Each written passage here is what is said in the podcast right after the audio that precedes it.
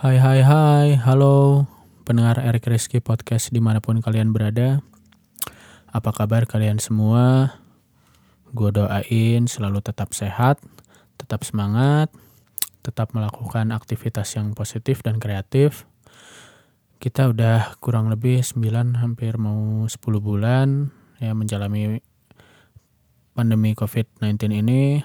Kalian supaya tetap mm, berikhtiar, bersyukur dan berdoa juga ya. Kesempatan hari ini gue nggak akan ngobrol dengan siapa-siapa. Gue akan lebih banyak sharing tentang eh, bagaimana meraih mimpi atau mencapai mimpi untuk ke luar negeri. Nah, langsung aja. Gue eh, mau cerita sedikit dulu tentang background gue dan keluarga gue juga tentunya.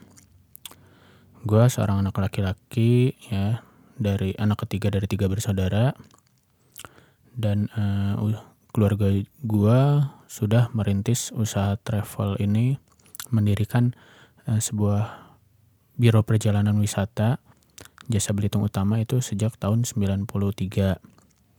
Eh, dulunya eh, PT Jasa Belitung Utama itu merupakan koperasi eh, simpan pinjam atau koperasi eh, timah ya yang berada di Belitung. Itu eh, didirikan oleh mm, bokap gua beserta rekan-rekannya di sana dan bokap gua berpikir bahwa ke depan itu eh, pariwisata khususnya pada saat itu ya Pulau Belitung buat mm, beliau itu akan menjadi eh, destinasi wisata yang maju di akhir 90-an sampai eh, 2000-an awal. Nah, oleh itu kemudian bokap gua ke Bandung ya dengan rekan-rekannya presentasi di mana-mana untuk meyakinkan bahwa pariwisata Belitung itu akan maju suatu saat nanti. Dan mungkin kalau kita tahu boomingnya Pulau Belitung itu sendiri pada saat l- film Laskar Pelangi ya yang di, diangkat dari cerita novel Andrea Hirata kemudian dijadikan eh, sequel film di bioskop. Eh, setelah dari itu mulai tuh banyak wisatawan-wisatawan domestik ya dan wisatawan-wisatawan asing mm, berkunjung atau traveling ke Belitung. Waktu itu boleh dibilang pesawatnya juga maskapai yang mencapai ke sana hanya beberapa airlines. Kemudian setelah itu makin ke sini orang setelah mengunjungi Pulau Belitung itu mm, menilai bahwa Belitung itu bagus, Belitung itu indah. Yang dinilai orang banyak eh, cuma pulau dengan tambang, timah khususnya diremehkan, tetapi melalui apa yang diusahakan atau dipresentasikan oleh bokap gua bahwa Belitung itu akan menjadi destinasi wisata dengan keindahan alamnya, terutama eh, laut dan pantai. Nah, setelah tahun 2000-an itu pariwisata itu sendiri di Indonesia sudah mulai berkembang, maju, industri perhotelan juga naik, destinasi-destinasi wisata lokal yang tersebar di seluruh penjuru Indonesia dari mulai Pulau Sumatera, Pulau Sulawesi, Pulau Jawa tentunya, Indonesia Timur seperti Papua, Maluku, Lombok itu sudah mulai maju, dibantu juga dengan perkembangannya teknologi, dengan adanya sosial media, dengan adanya exposure, menjadikan pariwisata Indonesia lebih berkembang dan program presiden siapa pun pasti tentunya menargetkan bahwa eh, Indonesia harus mencapai target minimal berapa juta wisatawan asing. 15 juta, 20 juta wisatawan mancanegara. Nah, kemudian gue cerita juga tentang jasa Belitung Utama Tours and Travel ini. Kalau usaha yang dirintis oleh bokap gue sama ibu gue sudah mulai eh, jasanya sudah mulai banyak dikenal orang itu semenjak tahun 2003, 2005, 2008, 2009 kita waktu itu lebih banyak eh, destinasi lokal eh, Jogja kemudian ke Medan, kemudian ke Belitung itu sendiri, ke Bali, ke Lombok, dan untuk wisata mancanegaranya itu ke Hong Kong, ke Jepang, kemudian Australia. Nah, gua pun baru boleh bilang baru aktif terlibat langsung di travel ini juga itu baru mulai sekitar tahun 2009 waktu itu gua bawa uh, trip ke Belitung ya 2009 2010 tepatnya saya lupa. Nah itu boleh dibilang pengalaman berwisata. Maksudnya mengorganize uh, grup membawa tamu itu sendiri membawa klien ke Pulau Belitung. Waktu itu gue sangat apa ya pertamanya wah capek nih. Wah Pulau Belitung panas nih. Gue juga orang yang kurang suka sama pantai sebenarnya. Nah tapi di situ gue benar-benar belajar gimana caranya mengatur perjalanan wisata orang-orang. Nah pada saat itu belum booming atau bahkan belum ada ya m-commerce yang bergerak di bidang travel agent atau traveling lah khususnya seperti brand-brand yang apps yang sudah ada saat ini yang memudahkan kita untuk mencari tiket pesawat, mencari hotel, mencari kendaraan dan sebagainya. Nah, dari situ gue melakukan kontak dengan airlines-airlines, kemudian hotel-hotel, eh, bekerja sama juga dengan tour guide atau travel agent lokal-lokal di sana. Hmm, soal budgeting soal ngatur akomodasi ngatur makan ngatur transportasi. Itu benar-benar gue belajar dari nyokap gue terutama. Nah kemudian berangkat ke Belitung. Hmm, merasakan ya apa ya komentar-komentar baik atau misalnya mendapatkan komentar-komentar negatif dari eh, tamu bagaimana kita memberikan servis yang terbaik menyenangkan konsumen. Nah kemudian setelah dari Belitung gue belajar lagi kemudian ke Flores waktu itu dan sama panas gue bersama ibu gue waktu ke Flores itu momennya waktu mau paskah dan membawa eh, rombongan sepuh-sepuh atau oma-oma, opa-opa lah, lansia. Nah di situ juga gue juga belajar mengenal karakter orang, melayani tamu-tamu gue. Ada yang sangat kalem, ada yang sangat cerewet, ada yang detail detail banget orangnya ada yang perfeksionis ada yang nyantai ada yang berbaur ada yang apa ya ya semua campur aduk lah ya intinya nah di situ tanpa ya dua trip awal gue itu gue cuma apa ya pengalaman lah buat gue gue belum mengerti waktu itu gimana nyari cari uang. Karena umur gue juga masih 20 tahun 19-20 tahun. Nah dari situ pulang dari Flores gue sadar eh, kemudian ada boleh bilang untuk kerjasama MOU dengan perusahaan, sekolah, universitas juga atau organisasi-organisasi yang mau melakukan wisata keluar baik itu eh, domestik maupun mancanegara. Di situ gue berpikir wah ini peluang juga. Maksudnya usaha yang sudah dirintis orang tua gue siapa lagi yang menerusin? Karena waktu itu kan kakak gue yang pertama udah di Jerman dari tahun 2001 kemudian kakak gue yang kedua itu 2009 2010 itu sudah di Jakarta kerja di sana kemudian juga menikah dengan orang Jakarta. Nah gue berpikir siapa lagi yang harus nerusin usaha orang tua. Kemudian beberapa trip lagi tapi gua nggak ikut. Yang gue inget sih ada ke Korea ke Hong Kong ke Bali ke Vietnam ke Thailand. Nah kemudian 2011 akhir tuh kakak gue bercerita lu belajar cari uang.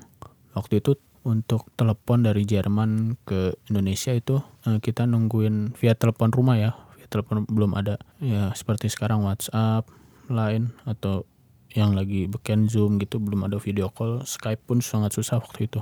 Nah waktu itu telepon malam sekitar jam 9 jam 10 ya. Karena kan perbedaan waktu juga. Kakak gue di sana siang masih harus kerja ini nih ya sebisa mungkin ngobrol sangat efektif dan efisien gitu. Ngobrol lu belajar cari uang dari sekarang cari pengalaman apa-apa kata kakak gue nanti kalau misalnya ada rezeki katanya lu udah bisa minimal cari uang sendiri eh cari peng, dengan cari pengalaman juga gue hadiahin lu gue bawa ke Jerman lagi. Karena sebelumnya gue udah pernah ke Jerman tahun 2006 waktu itu gue cuma 10 hari 11 hari. Dan ketika waktu 2006 itu momen gue nonton semifinal Piala Dunia Jerman Itali. Yang dimenangkan Itali yang membuat hati rakyat Jerman runtuh. Nggak jadi juara nggak jadi ke final juga nggak jadi juara. Nah itu benar-benar momen yang sangat berkesan juga itu 2006 pertama kali gue keluar negeri dan ya luar biasa. Apalagi Jerman jadi tuan rumah Piala Dunia kan. Tapi kalah sama siapa ya yang lo yang golin tuh? Pokoknya rakyat Jerman tuh benci banget sama Del Piero Fabio Grosso itu. Kayaknya sudah ini buat penikmat sepak bola nih terutama. Gue agak lupa. Nah 2006 Jerman terus 2011 akhir tuh kakak gue nawarin lagi lu mau nggak ke Jerman lagi tapi ya itu dengan syarat lo harus bisa bantu orang tua. Kalau nggak cari pengalaman cari uang sendiri. Gue merasa terchallenge merasa tertantang. Wah gue pengen nih luar negeri lagi apalagi ke Jerman lagi. Nah di situ gue cari-cari info ada yang magang ataupun apa pun lah yang bisa gue kerjain yang bisa menghasilkan uang. Dari mulai mulai jadi guide atau mulai jadi driver bawa tamu orang Malaysia orang Belanda orang mana lagi ya waktu itu? Orang Timur Tengah waktu mereka ada kunjungan ke Bandung gue jadi supir sekaligus nemenin mereka terus jadi kru event basket jadi kru ya event sekolah juga pensi gitu kru event reunian apa pun lah yang waktu itu. Bisa gue kerjain gue kerjain gue juga ngelatih basket terus apa lagi ya? Banyak lah pokoknya. Serabutan gak jelas. Apa pun gue dapet duit gue tabung demi bisa mewujudkan ke Jerman lagi. Nah, waktu itu pertengahan 2012 tuh bulan apa ya? Gue inget bulan Mei bulan Juni. Kakak gue ngomong gimana? Ya udah telepon lagi kan. Gimana? Lu udah punya kekumpul uang berapa tuh?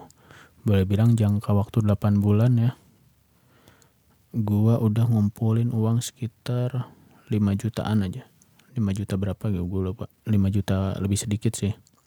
Nah waktu itu tiket PP Jakarta Frankfurt Jakarta itu sekitar 8,5 ya gue inget pakai SQ atau pakai Lufthansa.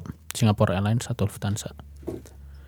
Nah di situ gue cerita sama kakak gue gue punya uang segini nih. Kayaknya kalau untuk beli tiket full agak sulit. Dan kakak gue pun bilang ya udah nggak apa-apa. Seadanya aja. Yang penting lu udah usahakan. Nah lo kemarin nanya ya pokoknya kakak gue nanya lu ngapain aja kemarin nyari duit gini nih kuliah lu gimana? Gue ketawa di situ aja kuliah gue banyak yang gue tinggalin.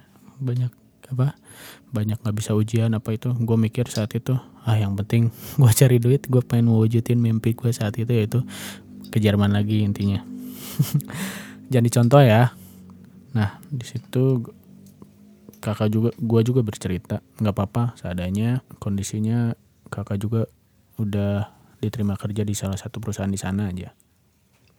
Ya udah dah dibeliin tiket nanti duit yang lu punya bawa aja ke sini tukar dalam bentuk euro. Dibeliin kakak gua tiket PP Jakarta Frankfurt Jakarta sama ibu gua dan kita berangkat itu akhir Agustus ya September 2012 kebetulan gue juga sebenarnya waktu itu lagi jadi kru event basket JRBL ya 2012 nah di tengah-tengah mundurin diri karena ya itu gue pergi ke Jerman. Nah di situ berangkat nah ya akhir Agustus itu. Kemudian ya kurang lebih di sana tuh satu bulan setengah lebih lah hampir dua bulan pikir ngapain aja? Kuliah gue tinggalin. Nggak nggak ikut kuliah nggak ikut apa UTS teman-teman kuliah gue juga nanya anjir mana ngapain? Lama-lama banget sebulan lebih. Liburan atau ngabisin duit? Nggak pokoknya gue bilang sama teman-teman gue mau mewujudkan mimpi. Di situ itu sambil kakak gue kerja juga kita selain berkeliling Jerman banyak kota yang gue kunjungin Rodesheim terus ya Frankfurt main sendiri karena kakak gue kan di sana tinggal di Mainz. Terus ke, ke Swiss ke Itali ke Prancis ke Belanda ke Austria ke Belgia. Mana lagi ya? Gue lupa. Ya alhamdulillah aja ya gue mengunjungi Eropa Barat khususnya. Tapi itu terjadi ketika uh, kakak gue kan kerja nih dari Selasa sampai Jumat. Nah kalau pas ke negara lain itu jadi tiap minggu tiap hari Jumat sampai Senin.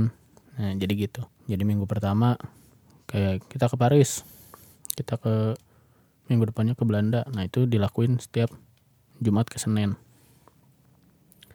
Nah kemudian banyak mengunjungi negara Eropa-Eropa Barat, gue berpikir atau gue menemukan sesuatu bahwa traveling itu menyenangkan, bisa berwisata ke luar negeri itu menyenangkan, melihat budaya yang berbeda tentunya, melihat landmark yang klasik, sejarah, ya kemudian orang-orangnya sendiri, bule-bule kan, dan pastinya wanita yang cantik-cantik. orang Paris orang Jerman blasteran Turki orang eh, orang Belanda blasteran Indonesia orang Austria banyak lah pokoknya. Cantik-cantik orang Itali. Ya wajar dong normal ya laki-laki gue laki-laki. Nah di situ gue berpikir wah kayaknya kalau keliling dunia seru nih. Jangan hanya ke Eropa Barat aja. Bisa ke Eropa Timur bisa ke Amerika bisa ke Korea Utara. Gue mempelajari bahasa-bahasa sedikit-sedikit ya pada umumnya ya. Bahasa Perancis sedikit bahasa Jerman Itali. Oh iya gue ke ini juga ke Barcelona waktu itu. Nah pulang dari Jerman sekitar Oktoberan ya, dipusingkan dengan tiba-tiba gue nggak bisa ikut banyak UAS was.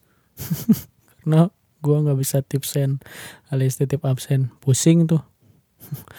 Tapi di situ gue mendekati dosen-dosen apa ya, ya belajar ketertinggalan gue dari teman-teman kuliah gue catatan rangkuman apalah segala. Ya walaupun pada akhirnya juga IPK juga juga jeblok lah. Tapi nggak apa-apa buat gue sendiri karena kuliah itu lulus pada waktu yang tepat bukan tepat waktu. Itu prinsip gue jangan ditiru ya saudara-saudara teman-teman. Intinya setelah pulang dari Eropa itu gue sangat wah keluar negeri itu menambah wawasan sangat luas ya. Apa yang gue sampaikan tadi itu tentang budaya tentang kultur tentang landmark sejarah historis gua semuanya lah. Melihat apa yang udah gue lihat di Eropa gue berpikir gue pengen keliling dunia lagi gue pengen keliling dunia lagi. Terus aja berpikiran seperti itu. Gimana pun caranya. Jadi di situ gue punya moto hidup yaitu I have a dream of traveling around the world on my own way. Jadi gimana pun caranya gue punya mimpi untuk keliling dunia dengan cara gue sendiri. Keren. nah tuh gue mulai ya alhamdulillah juga travel gue berjalan cukup baik ya dengan menerima banyak destinasi baik lokal maupun mancanegara. Mancanegara tuh Hong Kong, Eropa sendiri juga ada, kemudian Jepang, Korea, ASEAN ya, terutama banyaknya ASEAN. Tiap ke sini gue trip selalu ikut, alhamdulillah. Karena selain meneruskan usaha orang tua juga, gue harus berpikir belajar sambil belajar juga berkomunikasi apa segala lah untuk menunjang bahwa usaha travel ini pun harus bisa gua kontrol, harus bisa gua manage dengan baik. Itu sedikit cerita 2012 ke Eropa, berjalan gua ke Eropa lagi tuh tahun 2016. Waktu itu sebagai diberi reward hadiah dari kakak lagi karena gua udah lulus kuliah ya gue dijanjiin dan kebetulan waktu itu juga bawa tamu dosen-dosen ke Eropa menghadiri seminar 3-4 hari di Belanda. Kemudian sisanya main. Kita mengunjungin Belanda berangkat tuh ya bulan awal Mei seingat gue karena gue melewatkan reuni akbar SMP gue yang telah gue planning sejak lama. Dan pada saat menuju hari H H-14 gue kabur. Aduh maafkan teman-teman SMP ku yang bodoh. Satrio dan lain-lain Agung. Nah, hmm, gua di sana hampir kurang lebih sama hampir dua bulan juga. Jadi gua berangkat tuh pas sebelum puasa ya waktu itu sebelum puasa. Kemudian tapi gua balik tuh seminggu sebelum beberapa hari sebelum Lebaran. Nah, gua di sana bawa tamu. Pokoknya 9 hari pertama itu kita ke Belanda, ke Jerman, ke Paris lagi, kemudian ke Belgium, Eropa Barat secara singkat aja ya mengunjungin Amsterdam, Menara Eiffel, kemudian Atomium, Brussels, kemudian kita ke Köln, Jerman, ke Rudesheim juga di Jerman, Frankfurt, ya banyak yang kita kunjungin. Terus belanja juga di Lafayette, di apa outlet, premium outlet di Eropa, di mana tamu-tamu gue juga belanja lumayan banyak karena desainer outlet itu boleh bilang harganya setengah dari harga yang sudah masuk ke Indonesia. Makanya barang-barang brand itu ya, seperti tas-tas wanita yang mahal-mahal itu, ya itu setengah harga. Makanya mereka tamu-tamu gue juga ngeborong, lah jam, pakaian-pakaian, fashion intinya pada belanja banyak. Nah setelah eh, selesai membawa tour sekitar 8-9 hari kemudian eh, mereka pulang dan gua extend tapi di situ beda cerita dengan dulu. Kalau dulu full bener-bener main kalau 2016 itu gue stay di Jerman. Tapi gue juga waktu itu punya niatan untuk melanjutkan studi di luar negeri mencari beasiswa trial buat beasiswa dan belajar bahasa supaya gue bisa lanjut S2 di Jerman tadinya. Gue coba ternyata untuk masuk universitas negeri di Jerman itu agak sulit. Kendala bahasa yang levelnya pun penerimaannya syarat penerimaannya itu naik menjadi level C1. Sedangkan sertifikat gue tuh B1. Gue juga sebenarnya keterima di universitas swasta. Tapi uang kuliahnya itu mahal sekali. 100 juta lah dirupiahin per semester. Dan itu harus ya sekitar 4 sampai 5 semester lah ya. Jadi kalian aja tuh berapa? 500 juta cuma buat sekolah doang. Mending gua keliling dunia tuh. Bisa keliling Amerika, Amerika Selatan, Karibia, ke kutub juga bisa kali. Ke negara Eropa dua bulan, tiga bulan, semua negara kayaknya juga bisa tuh dengan uang segitu. Tapi di sana juga gua part time bantu-bantu kakak gua, bantu-bantu kakak ipar gue juga yang sama-sama kerja di restoran. Kalau kakak gue kerja di restoran Jepang, kalau kakak ipar gue kerja di restoran Thailand. Lumayan lah, cuci-cuci, bersih-bersih, lap-lap, nganter delivery service. Kan lumayan tuh tipnya gue kumpulin dua minggu terakhir sebelum pulang karena gue juga kalau misalnya tadinya mau lanjut ke universitas swasta yang gue terima kan gue harus ngurus-ngurus dokumen apa segala Nah dua minggu sebelum pulang, gue pakai deh waktunya buat keliling-keliling ke München, ke Berlin, ke Dortmund, ke Gelsenkirchen, nonton timnas Jerman sebelum Euro 2016 terus ke Praha. Tadinya gue juga mau langsung lanjut ke ke Norwegia ke Oslo. Tapi ya karena gue tiketnya udah nggak bisa di extend lagi akhirnya gue balik tuh nah waktu itu kan lagi puasa juga kerasa banget puasa di Eropa tuh 18 sampai 20 jam jadi kita sahur jam 2 jam setengah tiga udah imsak Nah, buka-buka tuh jam 10 malam, jam setengah 10, jam 9 sampai jam 10 malam tergantung negaranya. Gua mengalami buka puasa di Jerman, ya puasa di Jerman, gua mengalami puasa di Ceko. Nah, ya seru lah intinya. Walaupun gak kerasa lapar karena makannya juga banyak, terus aktivitasnya walaupun banyak ke mana-mana pakai sepeda sambil dibawain seneng aja. Gue cerita sedikit kalau gua orang yang penyuka solo traveling setelah gue ke beberapa negara pada tahun 2012 tuh ya nah gue aplikasiin 2016 tuh pada saat gue ke Eropa gue keliling ke mana-mana itu gue prepare karena udah gampang ya nyari informasi tentang negara destinasi atau transportasi lokal itu seperti apa banyak-banyak baca juga di blog orang atau lihat YouTube orang review-review juga dari beberapa aplikasi. Gue planning tuh misalnya dari Mainz ke Dortmund ke Frankfurt ke Berlin ke Praha terus ke Munchen ke Gelsenkirchen ke Heidelberg mana lagi ya? Ke Leipzig tuh transportasi lokalnya apa terus uh, cari hotel sendiri yang hotel budget. Terus makanan-makanan halal terdekat itu apa. Ya sama di sebelumnya ke Belanda ke Paris ke Belgia terus ke Jerman juga ke Köln. Gue benar-benar detail banget. Gue rinciin tuh.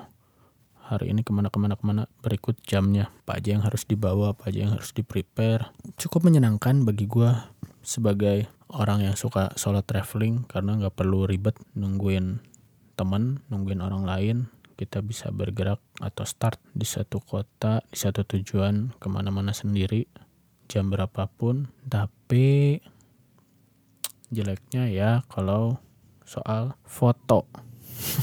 nggak ada tuh foto gua yang difotoin orang lain karena rata-rata orang Eropa tuh 90% eh, nolak lah tuh untuk dimintain eh, foto. Ada sesekali sih minta difotoin orang yang itu juga hasil fotonya kurang bagus. Makanya ya lu lihat dah di feed Instagram gua atau misalnya di galeri HP gua foto-foto gua ya banyaknya selfie bos. Berlanjut lagi. 2017 2018 2019 juga gua ke banyak negara tentunya dengan yang memanage uh, wisata orang lain juga atau tour program orang lain juga gue boleh dibilang 70-80% lah menghandle travel ini. Gue ke Hong Kong gue ke Malaysia gue ke Singapura gue ke Thailand gue ke Vietnam ke Filipina juga. Oh Filipina waktu itu event ini sih event akademik lokal juga ke Belitung ke Medan ke Padang ke Malang Surabaya dan sebagainya ya ke Bali. Gue benar-benar belajar banget gimana suntur program, flow program itu sendiri, rincian biaya, budgeting, kemudian flow acaranya, apa-apa yang harus dipersiapkan tentang prepare tripnya sendiri, tentang apa yang harus eh, yang bisa didapatkan konsumen, apa segala dengan uang yang mereka bayarkan ke kita, kepuasan, servis itu gue banyak belajar lah. Sampai 2017 teh kan gue 2017 2018 boleh bilang menghandle event akademik juga di kampus gue dulu. Ya setidaknya mengerjakan event-event lain juga. Event basket event seminar apa pun. Gue ngumpulin duit lagi untuk liburan. Intinya untuk liburan lagi. 2019 awal gua sama temen gua bertiga ya. Sama Regi sama Kirana itu keliling ASEAN. Uh, punya budget kita masing-masing tuh sekitar 6 juta 7 juta. Kita itu mereka 8 hari ya hitungannya 8 hari. Kalau gua total-total 16 16 hari. Artinya dua minggu lebih lah.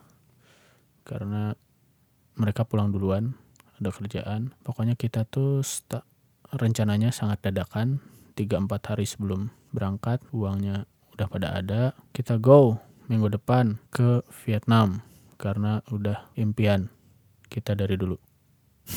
Regi Kirana Duh jadi inget Jadi inget gue ditipu di Vietnam tuh Sama tukang kelapa Bayar 5000 dong. Kan tai. Iya kita rencanain Biar ngopi-ngopi Pokoknya uang segini Gue budget segini-segini sini Tiketnya segini Hotelnya segini Hotelnya di mana terus kita mau destinasi apa aja yang dikunjungin ke cuci tanah waktu di Saigon tuh ke Mekong River terus uh, makannya gue perhatiin. Walaupun makan siang tuh baru di Thailand. Terus kita ke Kamboja. Intinya start kita start tuh dari Singapura. Kita naik Jetstar per orangnya tuh tiketnya satu juta. Seorangnya satu juta seratus. Ya gue inget. Naik Jetstar Jakarta Singapura. Transitnya 14 jam. 11 jam 14 jam gue lupa. Pokoknya kita berangkat malam tuh ya. 11 kita nyampe di Canggih tidur di terminal 3 di tempat playground anak-anak tuh. Area bermain anak-anak karena besok siangnya baru berangkat lagi ke Vietnam. Jadi overnightnya benar-benar di airport Canggih tapi di playground anak-anak. Kita tidur. Sampai subuh dibangunin. Sama petugas atau sama orang yang diam di situ lah intinya.